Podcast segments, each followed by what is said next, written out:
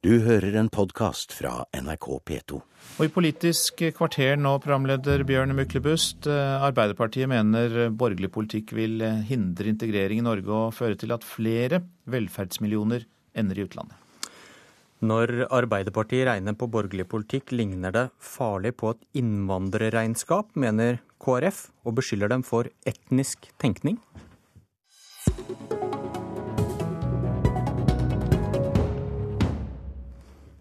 Ja, det var en hard anklage du kom med i Dagens Næringsliv på fredag, Hans Olav Syversen, parlamentarisk leder i Kristelig Folkeparti. Nå kan du se Arbeiderpartiet i øynene mens du forklarer hvorfor du har sitat, sjelden sett en så etnisk basert argumentasjon. Ja, det kan jeg gjerne gjøre. Hvis man leser skatteproposisjonen for eh, neste år, slik den ble presentert, så sier man at man skroter skatteklasse 2, og man bruker tall på en slik måte at det er ganske åpenbart at årsaken til at man gjør det, det er at man mener at det er for mange innvandrere som kommer inn under skatteklasse 2. Det er da, eh, da når, eh, når ektepar får Når man lavere har skatt fordi én én tjener mindre. hovedinntekt i familien, ja. Og det er en skatteklasse vi har hatt i mange, mange år. Nettopp for å jevne ut eh, forskjeller. Men det er da vanlig å se på velferdsordninger og snakke om integrering i samme setninger. Hva er annerledes her? Det er hvordan man sammenstiller tall og prosenter. Eh, Når man ser på den proposisjonen, så får man inntrykk av at det er flest utenlandske som er i skatteklasse 2. Det er jo ikke riktig. Det er 65% av de som er i skatteklasse 2, som er norske. Hvis vi først skal begynne med denne graderingen. Men når man leser proposisjonen, så får man jo vitterlig inntrykk av, gjennom den tallbruken, at det er flest innvandrere som bruker det. Og det brukes da som argument for at man må fjerne det, fordi det hindrer integrering. Og med det sier man også at f.eks. en norsk eh, minstepensjonist som har en ektefelle som er i vanlig jobb, de fortjener da en eh, skatteskjerping på mangfoldige tusen kroner. Jeg er ikke tilhenger av den måten å argumentere på. Hva, hva, hva kan en slik etnisk tenkning, som du sier, Jo, føre til da? Hva er det, det hva er det som er farlig? hvis vi skal hele tiden bruke en slags lakmustest på våre velferdsordninger ut fra hvilken, eh, hvilket land man kommer ifra, så tror jeg faktisk hele fundamentet for de allmenne velferdsordningene vi har, står i fare. Eh, Og det er jo helt velkjent fra mange andre land at det er sånn man også barberer eh, velferdsordninger. Så jeg syns man skal være veldig forsiktig med å kjøre denne linja videre. I hvert fall så må man da ta for seg hver enkelt velferdsordning, og ikke, som jeg dessverre syns eh, regjeringen Stoltenberg har gjort i det siste budsjettet, ta for seg én spesiell ordning som de ikke er særlig begeistret for. Er dette et innvandrerregnskap i fåreklær dere kommer med? Jonas Gahr Støre, du er finanspolitisk talsmann i Arbeiderpartiet. Nei, det vil jeg avvise. Øh, Jeg mener at det er viktig at vi er, som man sier, kunnskapsbaserte når vi diskuterer disse spørsmålene. Øh, Og øh, det vi ser i forhold til velferdsordninger og arbeid, det er noen veldig klare sammenhenger. Eh, Vi ønsker at folk skal stimuleres til å arbeide. Det trenger den norske velferdsstaten. Det er en veldig viktig dimensjon ved integrering at eh, innvandrerforeldre kommer seg i jobb. Det er viktig for barna. I helgen har vi lest om hvordan barn vokser opp og ikke lærer seg norsk fordi at de er hjemme med mor nesten til de begynner på skolen, mange av dem. Eh, Så det å bruke ordet etnisk regnskap, da må jeg si at det er Syversen selv som legger listen for hvordan han vil snakke. Vi baserer dette på, eh, på kunnskap. Og det er ikke noe tvil om at skatteklasse 2 virker som en oppmuntring for mange av disse miljøene til å være hjemme. Men vi har jo ikke bare satt dette i forhold til det temaet, skatteklasse 2. Det handler jo også om tema kontantstøtte. Det handler om spørsmål om tilgang til barnehageplasser. Det handler til en mye bredere velferdspolitisk tenkning som skal gjøre det trygt og riktig å velge jobb på riktig tidspunkt for foreldre, og det er viktig for barna. Et veldig viktig tema i integreringspolitikken. Hva blir konsekvensen hvis man skulle fulgt eh, Syversens eh, advarsel her da, om å ikke bruke den type argumentasjon som, eh, som dere bruker? Altså, nå, nå er det jo han som bruker ordet etnisk. Jeg kan ikke si at vi har brukt ordet etnisk i det hele tatt. Når vi snakker om innvandrerbefolkningen, så er jo det en veldig sammensatt gruppe. Eh, så jeg syns det bommer litt. Et av de temaene vi kommer til å se framover nå som blir veldig viktig, er innvandrere fra EØS-området. Altså folk som kommer og jobber her, får tilgang på norske velferdsgoder. De får hele tematikken omkring at en del velferdsgoder kan eksporteres. Det er et begynnende eh, fenomen. Det er jo ikke et etnisk tema at polakker og spanjoler kommer til Norge og jobber, men det er et stor diskusjon i hele Europa nå om hvordan velferdsordningene virker. Så jeg vil jo si at det er et ord vi aldri har brukt, som er helt unaturlig å bruke. Men det handler om å være kunnskapsbasert og, hvem som, og se hvordan velferdsordningene virker på, på de de, eh, de, de omfatter. Ja, jeg vet ikke hva man skal kalle det. Når man ser på argumentasjonen på skatteklasse 2, så bruker man jo bevisst norske kontra de som ikke er norske. Så kan man jo kalle det eh, hva man vil.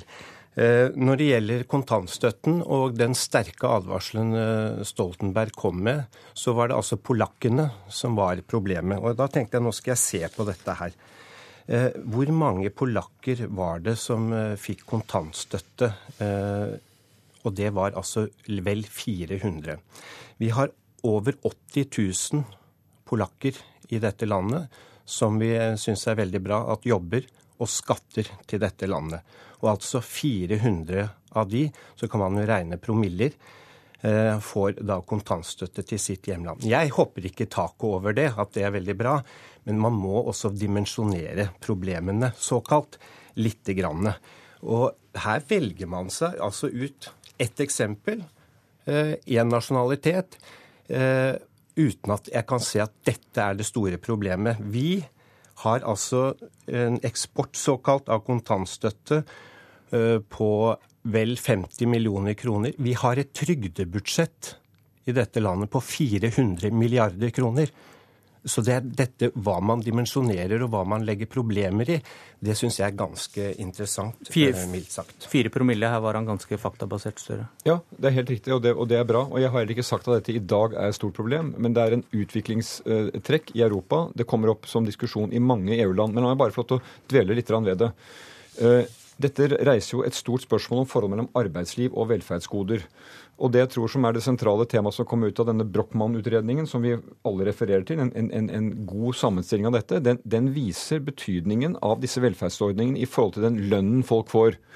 Og det som er det dypere temaet her som er grunn til å være urolig for, det er at hvis vi får et veldig eh, lavinntektssjikt i det norske arbeidslivet, så gjør det disse velferdstjenestene med å være hjemme kontantstøtten desto viktigere. Og det kan bli en velferdsfelle, for det kan hindre at folk kommer ut i arbeid. Og jeg tror at når vi har god statistikk fra trygder og fra utvalg og det vi følger med på, så må vi være i stand til å se det tidlig og kalle det ved dets rette navn. Og det er Syversen her som bruker ordet etnisk og én nasjonalitet, men det er en, et integrert uh, marked vi er i i Europa, og vi har arbeidsinnvandrere som kommer fra nær og fjern. Og da må vi diskutere de spørsmålene og utfordringene det reiser, bl.a. for velferd og integrering. Harald Tom Nesvik, parlamentarisk leder i Fremskrittspartiet. Du har sittet i Ålesund og hørt på. Er det ikke gode Frp-argumenter du har hørt fra Arbeiderpartiet nå?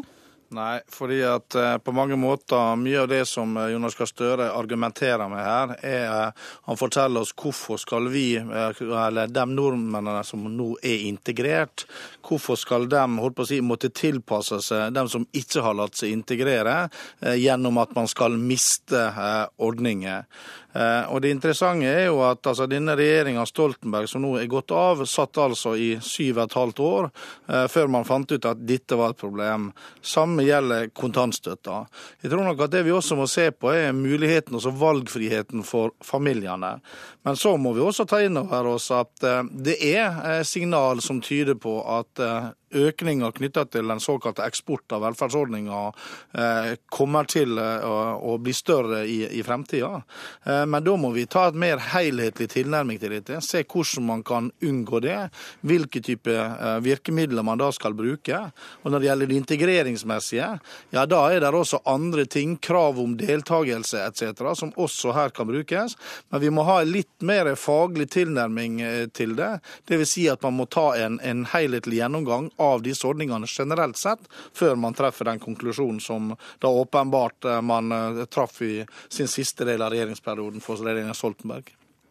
Nå er det jo slik, eh, Nesvik, at Den regjeringen du representerer, den la jo fram forslag om å avvikle skatteklasse 2. og Så ble det halvveis løftet inn igjen, delvis pga. Syvertsen. og Det var et resultat av de forhandlingene dere hadde med KrF. Men jeg syns det er positivt at Fremskrittspartiet nå vil ha en helhetlig gjennomgang. Eh, og dette er ikke enkle spørsmål. Jeg tror vi kan prøve å nærme oss det iallfall i startfasen som med respekt for at det er vanskelige spørsmål, også beskrive området. Det har denne Brochmann-utredningen gjort, og den erfaringen vi får videre framover. For det vi jo ønsker, er at velferdsordninger skal bidra til det, nettopp velferd. Men hvis vi kommer over at det er det jeg vil kalle velferdsfeller, nemlig at det låser inne uh, familier, uh, at det skaper en situasjon med dårlig integrering, og det ser vi egentlig en del faretruende eksempler på, så er dette temaer som må med i den helhetlige gjennomgangen. Ne Nesvik, Grete Brochmann, professoren det vises til her, hun, hun, sier vel selv i en avis i, rett før helgen at uh, borgerlig politikk er i en liten spagat nå, der hensynet til valgfrihet og arbeidslinja da står mot hverandre? Jo, men det får, eh, får Brochmann eh, ta på si kappe. Eh, hvis de som leser samarbeidserklæringa og også regjeringserklæringa, ser at disse tingene er grepet fatt i. Så sent som forrige uke så holdt statsråd Helgesen en redegjørelse i Stortinget der han nettopp tok for seg viktigheten knytta til at, særlig når det gjelder eksport av velferdsordninger, at man må ta en helhetlig gjennomgang. Fordi at dette er ganske kompliserte ting. For man må også ta hensyn til her en EØS-avtale som gjør at eh, du kan håper si, du, Det må være i tråd med den. Når det gjelder integreringsmessig, så er det, er det viktig det som, eh, som, som Gahr Støre er inne på.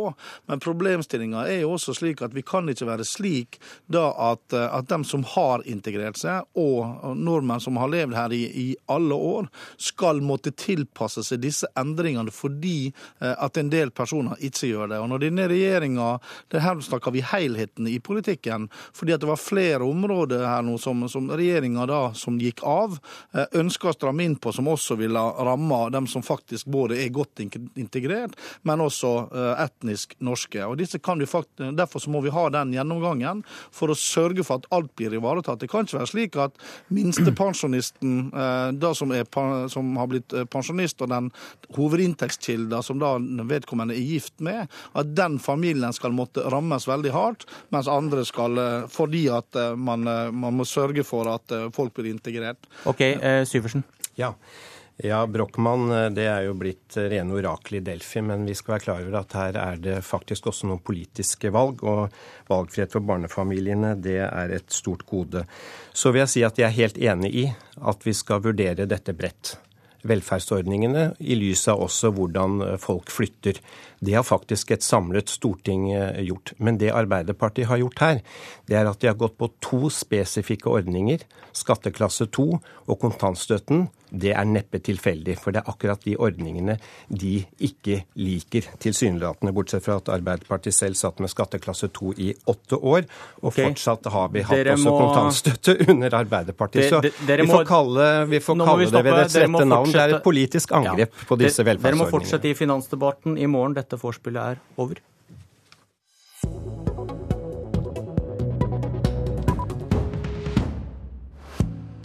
Vi har lest avisene i jakten på små og store overskrifter. Og under hvilken kategori faller denne, syns du? Høyres helseminister Bent Høie har bygget et ulovlig vedskjul ved hytta. VG skriver at vedskjulet er på fire kvadratmeter og nå kan bli revet. Høie sier selv vi glemte å sjekke reguleringsplanen. Syns du dette er en fillesak, spør VG. Nei, det syns jeg ikke, svarer Høie.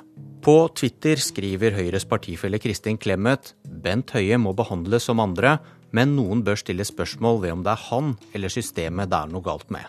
Henning Warlo en stor og alvorlig sak, her er vel eneste løsning riksrett. Mens Andreas Halse, leder av Sosialistisk Ungdom, spør er vedskjul verre enn stabbur? Aftenposten bruker også en dobbeltside på liv- og læresjangeren i dag. Frp-politikere får honorar fra bomselskaper, er overskriften. F.eks. får stortingsrepresentant Helge André Njåstad 12 000 kroner i året for å være styreleder i et bompengeselskap. Frp er som kjent mot bompenger, men Njåstad sier det er viktig å få inn FrPs tankegang om at man skal holde kostnadene nede i slike prosjekter. Og til slutt, Dagbladet har meningsmåling i dag. Størst endring siden valget. Høyre fikk 26,8% i valget, men har 30,1 på MMIs måling. Og Frp som velgerne ga 16,4, har nå 13,5% Men Siv Jensen peker på at det er først nå de begynner å levere resultater. Hun sier jeg tror sakte, men sikkert at oppslutningen øker igjen. Og det var et Politisk kvarter. Jeg heter Bjørn Myklebust. Du har hørt en podkast fra NRK P2.